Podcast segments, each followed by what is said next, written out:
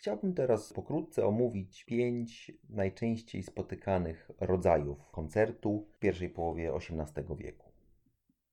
Pierwszy z nich, zdecydowanie dominujący i najpopularniejszy, to koncert solowy z jednym instrumentem w roli solisty.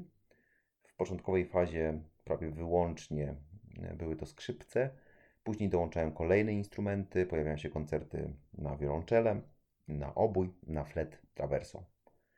Przykładem takiego koncertu na naszej playliście jest koncert obojowy Tomaso Albinoniego. Drugim rodzajem jest koncert na dwa instrumenty solowe.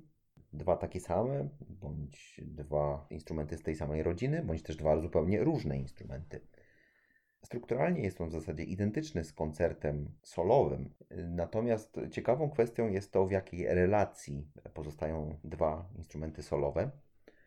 I tutaj mamy cztery możliwości. Albo instrumenty grają razem w równoległych tercjach czy sekstach, albo wymieniają się, dialogując ze sobą. Mogą też grać imitację lub jakiś inny rodzaj ściślejszego kontrapunktu.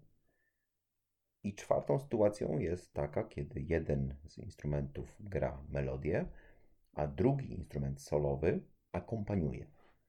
Przykładem koncertu na dwa instrumenty na naszej playliście jest koncert Antonio Vivaldiego na dwie wiolonczele.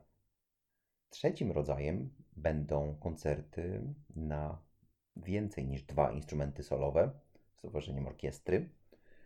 Formalnie znowu nie różnią się one od e, koncertu solowego, współzależności między instrumentami pozostają podobne jak w koncercie na dwa instrumenty solowe.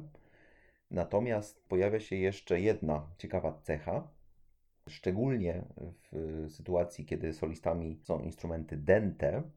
Pojawia się sytuacja, kiedy mają one niezależne partie również w fragmentach tutti, czyli jakby cały czas są solistami, można powiedzieć. Jest to zauważalne już u Vivaldiego, a szczególnie u niemieckich naśladowców Vivaldiego, m.in. Bacha, Telemana czy Pizendla. I ta cecha jest zapowiedzią zabiegów instrumentacyjnych charakterystycznych dla kolejnej epoki i dla chociażby symfonii. Czyli mamy grupę smyczków i mamy instrumenty dente, grające niezależne solowe partie.